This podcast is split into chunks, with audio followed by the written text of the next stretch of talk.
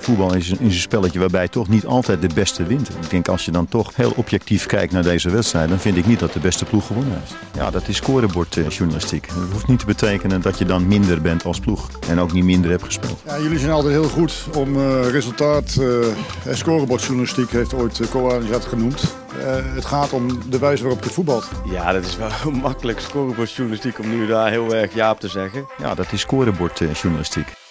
Scorebordjournalistiek, de warming-up voor je Eredivisie weekend. Want de speelronde 5 of 4,5 uh, komt eraan. Ik heb nog steeds uh, Pieter Zwart bij me, want uh, Bart Vrouws is nog even op vakantie. Al was hij wel bij de voetgolf, hè? Dat klopt. Hoe kan dat nou? Ja, hij was eerst in. Ik weet niet of we hier alle, alle vakantielocaties van Bart kunnen gaan doorgeven. Maar nee, nee. Hij is in ieder geval ja, op weg naar zijn rentree. Weer nu langzaam fit aan het worden. En dan kan hij volgende week gewoon weer uh, scorebordjournalistiek uh, overnemen. Conditie op peil aan het houden. Precies. Dat is ook nee. belangrijk bij ja. voetgolf, toch? dat, is zeker, dat is zeker belangrijk. Ik kon er door niet trainen, maar ik heb wel mijn, mijn trap eventjes... Uh, ah, middenmoot weer trouwens. En jij eindigde boven mij, Pieter. Eindig ik boven jou? Je, hebt, je had 81, toch? Ja, 81, Ik ja. 84. Ja. Nou, maar persoonlijk record voor jou en voor mij ook. Want het was mijn eerste keer. Ja. Nou, dus was een hele succesvolle voetgolfdag. Over Bart Vrouws uh, gesproken. Hij had het over, ik ben nog niet eens een week weg. En het hele format uh, gaat op de schop. Dat heb je natuurlijk als Theo hoofdredacteur ja. op je plek zit. Ja, en deze week eigenlijk weer. Ja, want we gaan uh, wat vragen doen. Was het geïnspireerd op de VIZSM-oproep voor vragen van laatst? Nou, dit, dit, waar, waar hebben we toen uiteindelijk niks ja. mee gedaan. Maar ik dacht inderdaad, waar moeten we het nou precies over gaan hebben? Richting deze speelronde. Dus toen ja. dacht ik, goh, ik kan ook wel een oproepje uitgooien. Toen kwamen er ook wel dingen langs die je normaal gesproken misschien niet zo snel in scorebordjournalistiek zou behandelen. Maar het zijn wel ja, leuke vragen waar misschien ja, meer mensen wel eens over nagedacht hebben. En waar vaak, dat is natuurlijk vaak met data en voetbal, dat uh, wat je denkt dat het zou zijn. En de niet. clichés die, uh, waar ze, waarvan je denkt dat ze waar zijn over voetbal, dat als je het statistisch gaat bekijken, dat uh, het vaak niet klopt. En dat was ook bij een aantal van deze vragen. Dus het, uh, dan is het te leuk om het niet te behandelen. Precies. Dan hebben we de eerste vraag. Die is van Jeroen Bos. Welke topteams zetten hoog druk en welke minder? En zien jullie dat terug in de P PDA. Ga, komen we zo op wat dat is. Niet te verwarren met de PVDA. Zo vrij rode zon is dat. Ik ben benieuwd hoe je dat terugziet bij Feyenoord, PSV, Ajax. En uh, ja, als je de data erbij pakt, nou, dat, dat heb jij natuurlijk uh, gedaan, uh, Zeker. Pieter. Om te beginnen, de PPDA, wat is dat? Passes per defensieve actie. En de originele titel daarvan is Passes per defension, Defensive Action. En dat is eigenlijk een manier om de agressiviteit van de druk van een team te meten. En het werkt zo simpel als het aantal passes dat de tegenstander gemiddeld ge geeft voordat jij ingrijpt, op wat voor manier dan ook. Dus dat kan zijn met de balerovering, het kan ook zijn met een uh, overtreding. Dat, uh, dat telt er dan ook bij okay. uh, als een defensieve actie. Ja. Dus ja, iedere vorm van een defensieve actie waar je het balbezit onderbreekt, dat wordt er bijgeteld. En ja, hoe minder passes jij een tegenstander toestaat, ja, hoe agressiever de druk is. Dat is in ieder geval het idee uh, achter uh, die statistiek. En we hebben hier natuurlijk, heb ik uh, op een papiertje wat ook voor jou ligt, alle teams opgeschreven die hoog staan daarin. Maar ik ben wel benieuwd of jij als Feyenoord-fan ook weet welk team helemaal onderaan staat. Dus wie de hoogste PPDA heeft in de Eredivisie op dit moment. Poeh, ja, ik zou het echt niet weten, Pieter. Ik heb het in mijn vraag een heel klein beetje weggegeven. Feyenoord? Nee, oh. niet Feyenoord, maar als Feyenoord-fan. Tegen wie spelen jullie komend weekend? Uh, Heerenveen? Heerenveen. Ja, ja. Ah, oké. Kees Verwonderen. Het imago natuurlijk van uh, ja. Catenaccio Kees. En dat, dat blijkt ook wel enigszins ook dit seizoen weer uh, uit de data. Dat zij zetten niet altijd, of ja, eigenlijk zelden agressief druk, maar wachten tegenstanders meer een beetje op bij de middenlijn. En die krijgen dus veel kansen om te pasen over het algemeen uh, tegen Heerenveen. Is het zeldzaam in de Eredivisie? Zo'n ja. ploeg? Ja, in de Eredivisie is het toch wel heel erg Uh, ik hoor Alex Pastoor wel eens in zijn uh, podcast uh, eenheidsworst zeggen qua voetbal. En dat, dat ja, heeft hij niet. Nou ja, heeft hij wel gelijk in dat veel teams in de Eredivisie... dat die op dezelfde manier proberen te spelen. We hadden natuurlijk de vorige keer in de podcast ook over... het begin van het seizoen. Ja. Dan zegt iedereen 4-3, hoog druk naar voren... verzorgd, dynamisch, aanvallend voetbal. Ja, dat zijn alle clichés... die hoor je iedere trainer van stal halen. Publiek vermaken. Van het seizoen. Publiek vermaken, inderdaad. Het is een amusementssport. Uh, ja, we kennen ze allemaal wel. Dus uh, de meeste teams proberen druk te zetten. En zo langzaam aan naar uh, speelronde de 10 of zo, 15. Dan zullen ja, ploegen misschien een beetje wat accent gaan aanbrengen dat het anders wordt. Klopt. En dan kun je ook wat meer, want we hebben nu de data wel naar drie slash vier speelrondes. Want niet iedereen, uh, zeker niet van de topclubs, heeft al die wedstrijden natuurlijk uh, gespeeld. Dat is wel een hele kleine set om grote conclusies over te trekken. De koploper qua PPDA, dus die de minste toestaat, dat is op dit moment Ajax, gevolgd door PSV, FC Twente, AZ en Feyenoord. Nou, dat laatste is dan wel opvallend, omdat Feyenoord normaal gesproken vaak een hele lage PPDA toestond onder uh, Arne Slot. Dat was ook wel een van de statistieken die meteen veranderde toen hij het uh, overnam van uh, Dick Advocaat. Nou, voor een deel valt het natuurlijk te verklaren door wat er gebeurd is tegen Fortuna Sittard. Waar ze een groot gedeelte van de wedstrijd met 10 man hebben gespeeld. Dan kan de tegenstander wat meer rondpasen dan gebruikelijk. Maar ik denk ook wel dat er een structureel element in zit bij Feyenoord. Dat het elftal zoals ze nu spelen, dat dat minder is ingericht op druk zetten. Als je dat uh, Conference League jaar uh, pakt, had je natuurlijk iemand als Gusteel op 10. Ausners nog als controlerende middenvelder. Dat was wel echt het team. En Kukshoe natuurlijk die ook veel vooruitstapt. Wat uh, ingericht was. Ja, met name ook op die hoge druk naar voren. Nou, Simanski die werkte zich natuurlijk ook een slag in de grond als nummer 10. Ja. En die hebben ze met Stenks daar toch iemand anders staan. Jiménez, dat was natuurlijk vorig jaar ook al duidelijk. Dat puur in het druk zetten dat hij minder was eigenlijk dan Danilo ja. in dat uh, aspect uh, van het spel. Zie je een beetje op dat niveau nu van Danilo dan? Of op het nou, niveau wat Slot wil? Ja, ja, wel op het niveau van wat Slot wil. Alleen het is niet zo agressief als dat uh, Danilo dat uh, kan. Contest is ook niet zo. Uh, vergelijken met Linsen natuurlijk, die daar ook heel goed in was. Die ja. er ook uh, goed in was. Dus ja, je ziet dat ze nu wat meer voor voetbal kiezen op bepaalde posities. Dat is voorin natuurlijk ook zo met Ivanucek en uh. Ook al willen die allebei ook wel werken. Dat is minder dan bij wijze van spreken Ali Reza Jaanbaks... die er eigenlijk misschien al één inzet... omdat hij zo goed zijn verdedigende werk doet. Ja, zie je dat Slot meer keuzes maakt voor voetbal. En dat wordt wel interessant om de, in de gaten te houden. Of ja, dat zijn weerslag gaat hebben. In dat het dus moeilijker wordt voor Feyenoord om zo succesvol druk te zetten. als dat ze in de afgelopen twee jaar gedaan hebben. En in de toppers misschien uh, je handbaks wel opgesteld wordt. Hè? Dat, dat zou goed kunnen natuurlijk. Ja, volgens nog denk ik het niet. Maar ja, we, gaan, we weten het snel genoeg. Hè? Want uh, dinsdag uh, tegen Celtic en dan daarna tegen Ajax. tegen die tijd is wel duidelijk wat slot daarmee voor plan is. En geen spits. Zou hij dan iemand in de spits gaan zetten die gewoon heel goed druk zet? Of kijkt hij, ja, zoals je zegt, ook eh, in de Champions League naar voetbal, denk je? Ja, dat wordt ook een interessante keuze, ook denk ik in relatie tot uh, Celtic en wat je daarvan uh, kan verwachten. Ik denk dat de meest voor de hand liggende kandidaat Parchau is. Ik heb in de voorbereiding Minte, die heeft ook in de Johan Cruijffschaal heeft hij daar gespeeld. Maar die beetje dus, wild. Ja, een beetje wild en ook wel moeite met dat druk zetten, ballen daar vasthouden, wel diepgang zonder bal. Ja, ik denk dat Parchau de meest logische kandidaat is. Maar je kunt ook denken aan de, de variant die die destijds uh, PSV uithanteerde. Toen speelde in één keer uh, Gusteel in zo'n wedstrijd in de spits. Dat met zou met linker, zou ja, natuurlijk ook nog best een variant kunnen zijn. En dan zet je dus weer wel meer in eigenlijk op het druk zetten. En hoef je niet je hele elftal om te gooien. Dus dat, dat zou ook nog iets kunnen zijn waar Slot aan denkt. Ja, Feyenoord scoort dan wel op hoge veroveringen uh, wel goed. PSV, eh, PSV ook. Ja, dat is wel ook wel een interessante, omdat uh, ja, je hebt verschillende manieren dus om druk zetten te meten. Dus je kunt het doen met het aantal pasen dat je toestaat. Een andere manier om het te doen is dat je kijkt hoeveel veroveren teams de bal rondom de vijandelijke 16.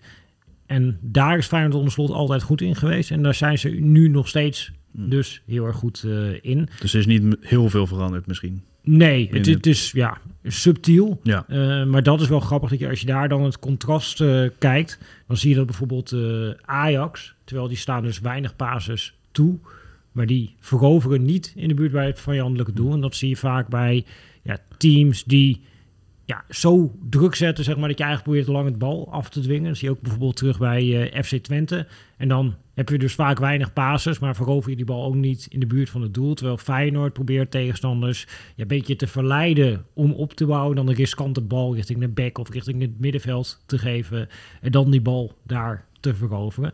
En dat zie je ook bijvoorbeeld terug bij AZ, die relatief nou ja, die, dus die zijn nergens eigenlijk bovenaan, maar die scoren wel veel. En die creëren ook de meeste kansen vanuit ja, dit soort gevaarlijke veroveringen rondom de vijandelijke 16. Dus het is ook maar net, uh, ja, hoe wil je druk zetten, meten en welk team komt er dan uh, ja. het beste uit. Dus je kan zeggen, oké, okay, PPDA nou, zet Ajax het beste druk van uh, iedereen. Alleen, nou, gevoelsmatig klopt dat denk ik ook voor veel mensen niet. Omdat dat levert niet die balverovering uh, daarop. En heeft uiteindelijk, uh, ja, weet ik veel, Soetelo of Medic heeft de bal alleen dan op eigen helft. En dan ja. begint vanaf daaraf aan uh, de opbouw weer. En ook omdat je het afzet tegen Feyenoord de PSV nu. Ja, en als het af en toe lukt om hem wel te veroveren rond die vijandelijke 16, ja, dat levert natuurlijk enthousiasme op. En alleen je hebt ook te maken met de tegenstander. En ik denk dat, ja, wat dat betreft bijvoorbeeld ook Twente, die heeft tot nu toe drie hele zwakke tegenstanders uh, gehad. Ja, die gaan dat überhaupt niet opbouwen. Ja, en wat zegt dat dan over de manier van druk zetten van Twente? Ja, dat is wat moeilijker om daar grote conclusies over te trekken. Maar over PSV gesproken, daar komt de volgende vraag uh, over. Um, zou jij Lozano of Bakayoko op de bank zetten? Of banken, zei eigenlijk Sjaak ja. Kams. Wat, wat zou jij doen? Nou, ik denk, het gevoel wat ik hier dus bij uh, had, is je hebt heel snel de neiging van oké, okay, Bakayoko die gaat wel uh, op de bank terecht komen bij PSV. Kan je het minstens opbouwen voor je gevoel? Ja, zou ik zelf denk ik uiteindelijk uh, ook doen. Als je gewoon al kijkt naar het rendement dat Lozano in de Eredivisie gehad heeft. Als hij nog enigszins op dat niveau zit, wat je wel zou mogen verwachten. Ja, dan is hij op dit moment gewoon nog beter dan Bakayoko. Maar ik denk wel dat als je naar de data van Bakayoko kijkt dat hij uh, ja, aanspraak maakt om veel te blijven spelen. En dat het zonde zou zijn voor PSV uh, om hem niet zoveel op te stellen. Ja, want hij uh, dribbelt ook heel veel. Hè? Hij stond toch in, in een van die beste lijstjes? Klopt. Hij staat qua dribbel staat hij in de toplijstjes, maar ook bijvoorbeeld qua basis ontvangen in kansrijke zones, in kansen creëren voor ploeggenoten, allemaal dat soort statistieken. Dan scoort hij echt wel bij de beste 10, 15 procent qua spelers uh, op zijn posities in vergelijkbare competities. Dus ja, qua data, en natuurlijk dat is ook de reden dat de club als uh, ja. Brentford geïnteresseerd was in Gaan hem. allemaal die lijstjes af. Ja, en je hebt een van die lijstjes heb je nu uh, voor je liggen. En je ziet een heleboel hele groene balk, balkjes in, het, in de data van Bakayoko terug. ja, en dat laat wel zien. Ja, hij heeft nog wel, denk ik, een paar onderdelen waarop hij zich kan verbeteren. In het zelf opduiken op kansrijke posities. Uh, en van daaruit schieten en scoren bijvoorbeeld. Uh, en wat meer het overzicht houden in de eindfase. Hij is bijvoorbeeld ook niet zo goed. Dat zag je goed terug in die wedstrijd tegen RKC. Dat als een back gaat opkomen, zoals Dest in die wedstrijd. Als hij er aan de binnenkant moet komen te spelen. Daar, daar ligt niet uh, zijn kwaliteit. Maar ja, als speler die vanuit de zijkant zijn acties inzet. Is hij ja, waanzinnig goed. En PSV heeft daar wel echt, denk ik, een uh, ja, luxe probleempje te pakken. Dus dat lijkt me ja, heel prettig dat je na een half uur, of met nog een half uur te gaan, dat je op een gegeven moment dan of Lozano of uh, Bakayoko nog vanaf de bank uh, kan brengen. Veel data aan het lijstje valt misschien niet meteen op voor de mensen die samenvattingen kijken of puur op statistieken afgaan. Maar hij gaat dat wel echt omzetten in rendement, toch? Denk, denk dat jij? denk ik wel, ja. Op basis uh, ja, van dit soort, uh, dit soort onderliggende cijfers, dan weet je vaak wel dat dat uh, een voorspelling is van ja, daadwerkelijk rendement op een later moment. Zeker als ja, dat de speler is die ja, in zijn eigen ontwikkeling investeert. En dat zijn ook wel de verhalen die je hoort over Bakayoko, dat hij heel veel bezig is, ook met individuele coaches en dergelijke, om ja, zijn overzicht in die eindfase te verbeteren. En dat, ja, dat zie je natuurlijk ook al aan dat hij al die clubs afwijst. Het is echt iemand die in zijn carrière wil investeren en beter wil worden. Ja, en hij heeft al een heleboel voorwaarden qua ja, snelheid, explosiviteit, qua uh, dribbles, uh, al die dingen. Waardoor hij al sky high staat in al deze lijstjes. En dat hij overal uit computers komt rollen. Hm. En dat mensen tegen scouts zeggen: hé, hey, dan moet je eens een keer naar uh, gaan kijken. Dus dat je hem en Lozano hebt, ja, dat is wel heerlijk. Zeker als je het afzet ten opzichte van bijvoorbeeld Ajax, waar ja, denk ik Stijn uh, graag een van deze twee rechtsbuiters uh, tot zijn beschikking had gehad. Ja, en natuurlijk slim. Kijk, Brentford gaat niet het spel van PSV spelen zo erg op uh, de helft. Als er sterke punten komen eruit bij een topclub, toch eigenlijk? Dat klopt, ja. Zal hij zo echt naar gekeken hebben, denk je? Hoe doe je? Nou, qua speelstijl dat je bij PSV zoveel kan aanvallen en dat ja, kwaliteiten er veel meer uit gaan komen dan bij Brentford. Misschien scoort hij dan wel eh, ja, echt een stuk slechter in die Dat, dat zou kunnen, ja. En tegelijkertijd, ja, het is net een beetje, en dat is natuurlijk ook de reden dat je toch scouts uh, ernaar laat kijken. Uh, omdat met zijn snelheid op de counter, je bijvoorbeeld ook tegen uh, Sturm Graz, die wel wat ruimte weggaf tegen PSV, dan ja, heeft hij ook wel echt uh, wapens, uh, Bakayoko. Dus ik denk, en ook bijvoorbeeld in het jaar dat hij heel veel scoorde onder Van Nistelrooy in de KKD, ja, dat was ook geen ploeg die voortdurend op de helft van de tegenstander speelde. Dus ik denk dat uh, Bakayoko ja, ook in countervoetbal op zich wel tot zijn recht zou kunnen komen.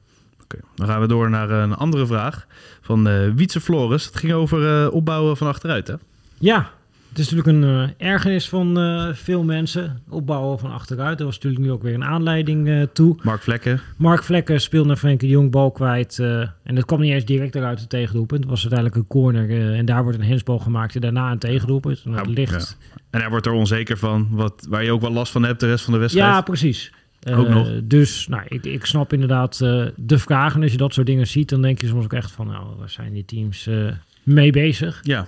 En tegelijkertijd valt er natuurlijk op dat steeds meer teams dit lijken te willen proberen. Die doeltrappen naar verdediger, dat, dat is nou, wel hip geworden in de laatste paar Ja. jaren. Ja. Ja, en het eh, blijkt ook wel bijvoorbeeld eh, data van de Premier League in de afgelopen vijf jaar. Zie je dat eh, natuurlijk die regels zijn ook iets veranderd, maar de doeltrappen steeds korter worden genomen. En dat, dat, dat soort dingen zie je wel terug in de trendlijn eh, over eh, de hele breedte. Ja, er is nu zelfs met eh Brighton eigenlijk een middenmotor subtopper die ook heel extreem voetbal speelt. Burnley, wat gepromoveerd is onder Company, doet dat ook in extreme mate. Dus je ziet dat het wel ja, die kant op aan het uh, bewegen is. En dan is het natuurlijk altijd interessant om even uh, ja, in de data te kijken van goh, is daar eigenlijk uh, een aanleiding voor?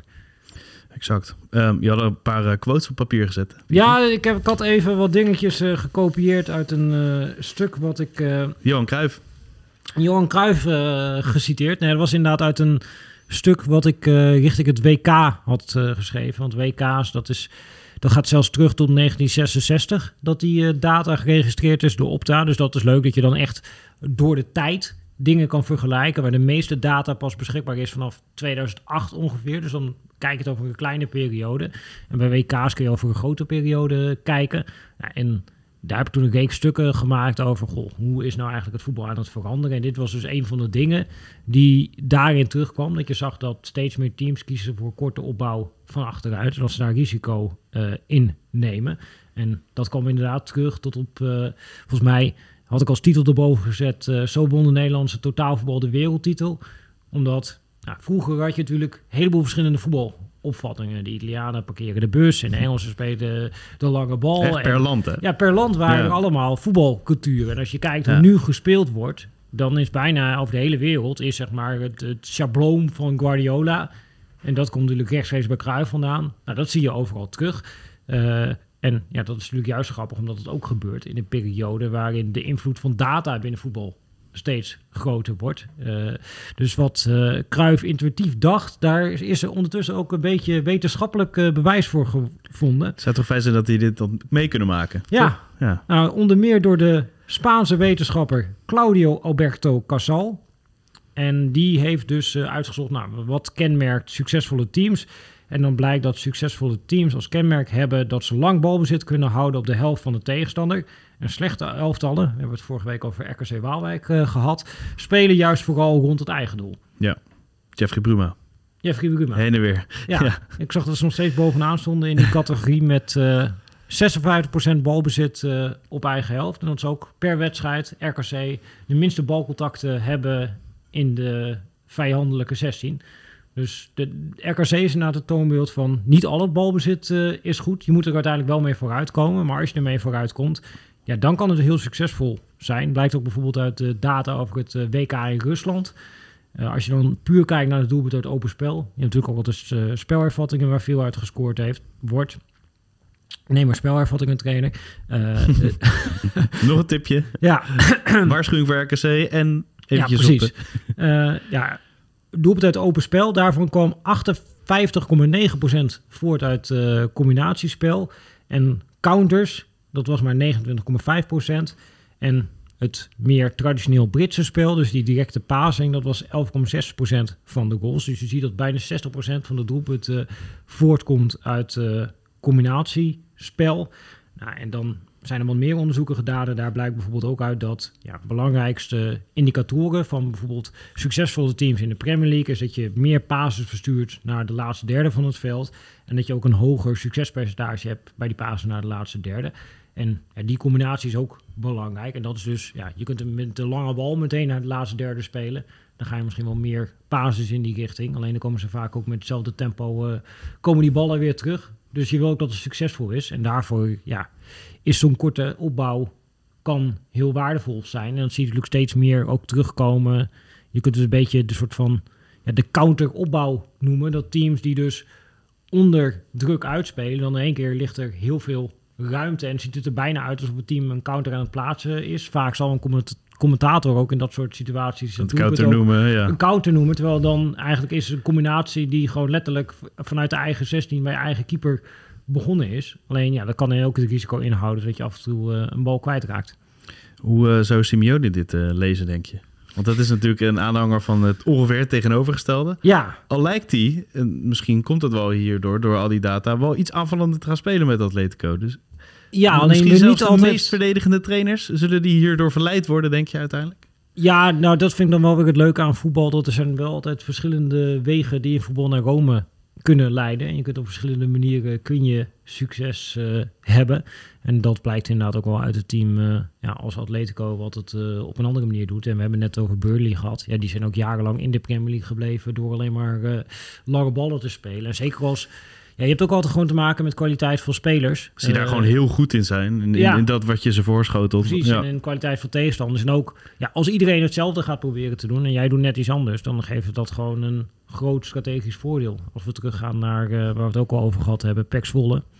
Enige met drie centrale verdedigers in Nederland. Ja.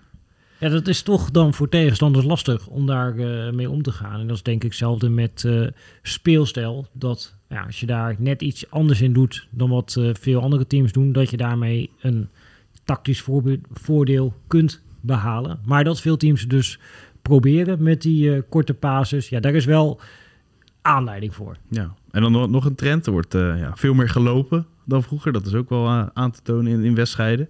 Qua kilometers. Is er een correlatie tussen lopen en winnen? Ja, dat is ook een leuke vraag. Die is er dus niet. Nee. Sterker, nou, ik heb heel veel van die wetenschappelijke papers. Want dit is natuurlijk, ja, die, data is bijvoorbeeld in de Eredivisie niet goed beschikbaar. Maar bij eindtoernooien wordt het wel altijd uh, beschikbaar uh, gemaakt. En dan is het natuurlijk een dankbare bron om daar uh, onderzoek naar te doen. En vaak zijn ook de hypotheses in die papers een beetje van, nou ja, als je meer loopt, heb je meer kans om te winnen. Nou, vaak dan worden er allerlei fysieke indicatoren worden gewoon in de pot gegooid. Dus ja, ga je meer winnen als je meer sprintjes van hoge intensiteit hebt. Uh, en nou, zo kun je allerlei fysieke indicatoren kun je noemen. En eigenlijk komt er bijna altijd uit. Ja, er zit uh, niet echt een samenhang tussen. En de enige keren dat er echt een samenhang gevonden wordt. Dat is bijvoorbeeld gebeurd uh, bij verschillende Duitse onderzoeken, dus onderzoek uit de Bundesliga.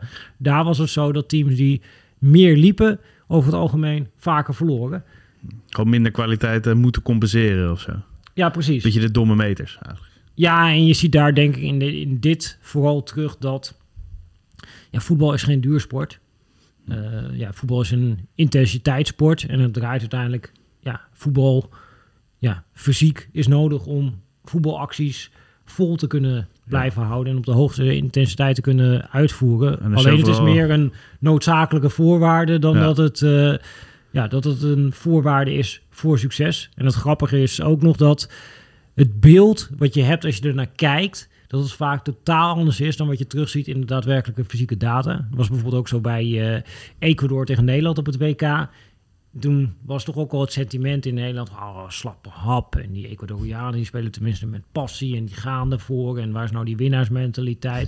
Als je dan in de data ging kijken, oh, Nederland veel meer gelopen, veel meer meters op hoge intensiteit. Gewoon op iedere fysieke indicator hadden die Nederlandse spelers meer gedaan, maar ze kwamen overal te laat. Ja. Ja. En, en dan ziet het eruit alsof je het niet wil uh, met uh, z'n allen. Terwijl, ja, als je er gewoon feitelijk naar kijkt, ja, was niet het probleem dat ze te weinig liepen. Ze liepen alleen, ja, op de verkeerde plek, op het verkeerde moment. en dat is denk ik ja, een beetje de les van die fysieke data. Dat ja, het maakt, ja, in ieder voor resultaat, maakt er niet heel veel uit. Het kan hoogst zijn in een specifieke speelstijl dat je wel bepaalde indicatoren nodig hebt. alleen, ja, bijvoorbeeld teams van Mourinho, die hebben een stijl waarin eigenlijk heel weinig gelopen wordt. Zijn teams lopen eigenlijk altijd minder dan een tegenstander. Ja, het is niet dat hij daar uh, geen succes mee uh, heeft gehad. En uh, is ook wel een goed moment om een van mijn favoriete quotes van Mourinho te citeren. Hij was als trainer enigszins revolutionair in de trainersleer, omdat hij alles met de bal deed. Wat we in Nederland inmiddels ook al redelijk uh, gewend zijn via de methode Raymond uh, Verheijen.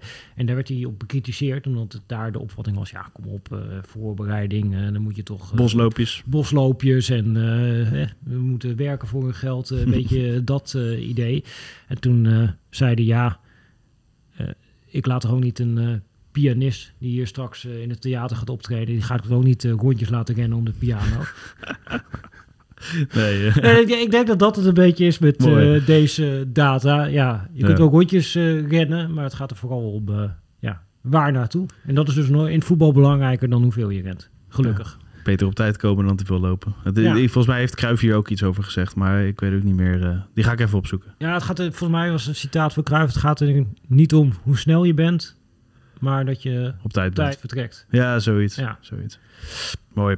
We gaan het over uh, PSV hebben, want er, er valt iets op hè, bij uh, PSV. Ja. En die, dat kan misschien wel iedereen zien. De samenvatte kijkers ook. Zeker. En in de statistieken. Want Luc de Jong doet het fantastisch, hè? Ja, Luc de Jong is in vorm. Luc de Jong is nu ook uitgerust. Ja. Want hij heeft uh, niet meegedaan met Nederland zelf. Dan ben je wel benieuwd. Uh... Zouden ze nog gebeld hebben? Nou ja, dus voor zover we weten niet. Nee. Want Koeman, die had dus niet gebeld, bleek op de persconferentie. Toen zei hij, hij moet mij bellen. Maar ik, had, ik kreeg niet de indruk op basis van Luc de Jong dat hij uh, ging bellen. Hij heeft ook met uh, ja, zijn volledige verstand uh, deze keuze gemaakt. Maar als je gaat kijken naar de vorm van Luc de Jong in cijfers... Ja, die is toch wel uitmuntend te noemen. Sinds begin april heeft hij 18 officiële duels gespeeld voor PSV. En hij was erin bij 22 goals direct betrokken. Dus 15 doelpunten en 7 assists. En dat is minimaal 8 meer dan elke andere speler van de Nederlandse profclub in die periode. Dus Luc de Jong is on fire. Die, die conclusie kunnen we wel trekken. Ik moet vooral niet meer met Oranje meegaan. Nou, nou dat, dat, dat, gaan we dus nu zien of hij nu uh, in uitgeruste staat het ook al laten zien uh, tegen NEC. En daar zag ik nog een datapunt over voorbij komen waarvan ik dacht, oh, dat is misschien ook nog wel interessant.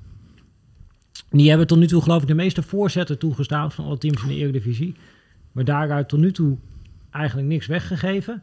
Maar dan denk je toch, ja, als je veel voorzetten toestaat, ja, waarschijnlijk kun je centrale verdedigers dan goed koppen, maar kunnen ze ook beter koppen dan Luc de Jong. Ja, dat, denk het niet. Dat, dat zou zomaar eens kunnen. En in dat kader uh, zat ik ook nog te denken aan uh, Bakayoko Lozano. Natuurlijk, die vraag blijft ook een beetje ja. uh, spelen. En Bakayoko is uit openspel bij PSV wel de vleugelaanvaller die de meeste voorzetten geeft. Uit open spel.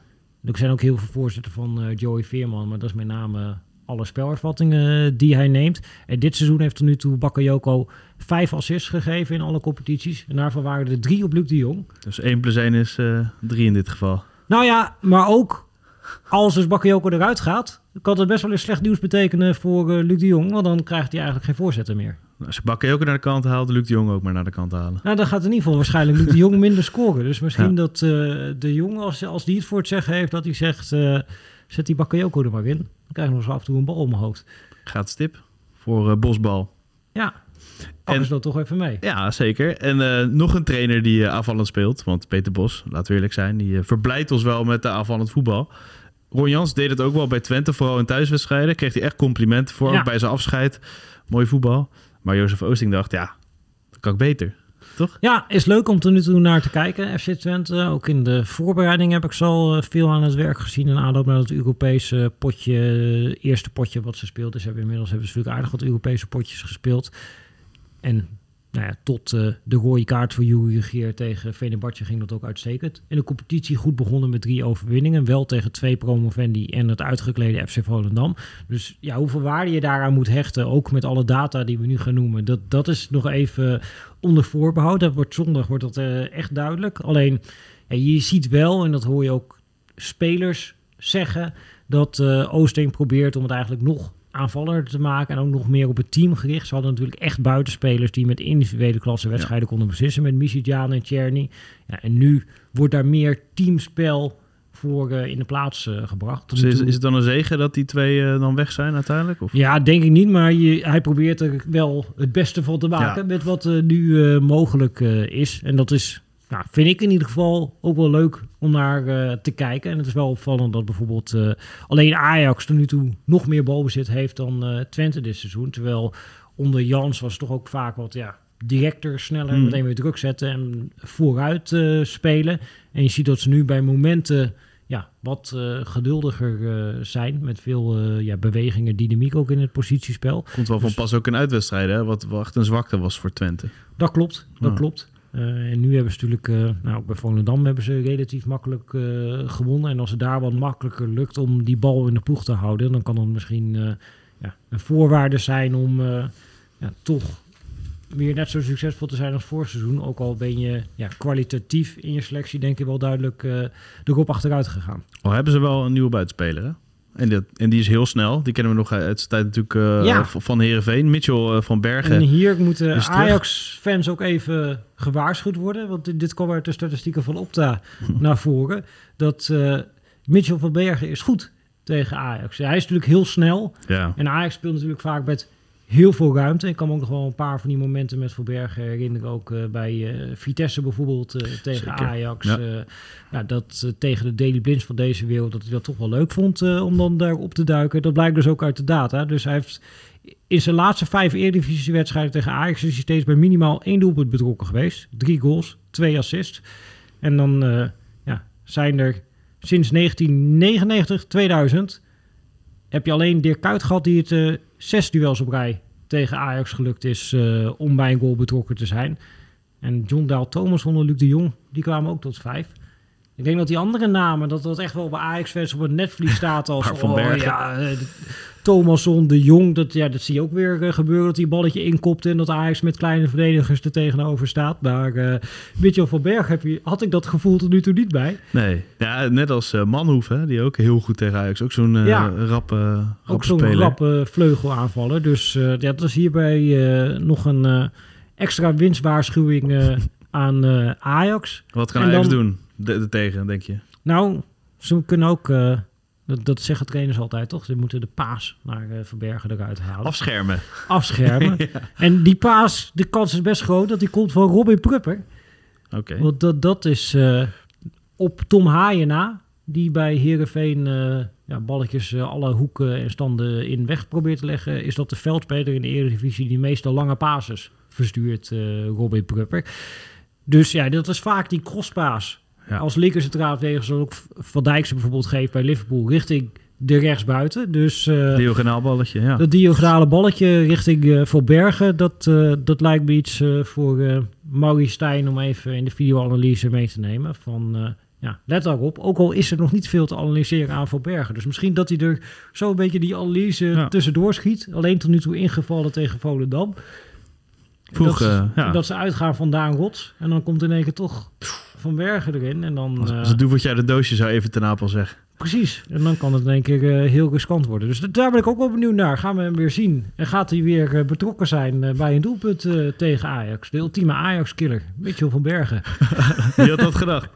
Dus vroeg druk, druk zetten op Ruben, Ruben Prupper en eh, Van Bergen buitenspel zetten. En dan eh, wint Ajax. Zoiets, ja. nou, het, het klinkt zo, het klinkt zo hartstikke simpel, toch? Maar dat is het niet. dat maakt het leuk, toch? Ja, dat maakt het leuk, ja.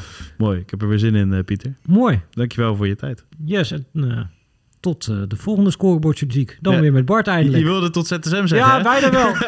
Tot scorebordjournalistiek. tot scorebordjournalistiek. Voetbal is een, is een spelletje waarbij toch niet altijd de beste wint. Ik denk als je dan toch heel objectief kijkt naar deze wedstrijd, dan vind ik niet dat de beste ploeg gewonnen heeft. Ja, dat is scorebordjournalistiek. Dat hoeft niet te betekenen dat je dan minder bent als ploeg en ook niet minder hebt gespeeld. Ja, jullie zijn altijd heel goed om eh, resultaat eh, en scorebordjournalistiek heeft ooit uh, genoemd. Eh, het gaat om de wijze waarop je voetbalt. Ja, dat is wel makkelijk scorebordjournalistiek om nu daar heel erg ja op te zeggen. Ja, dat is scorebordjournalistiek.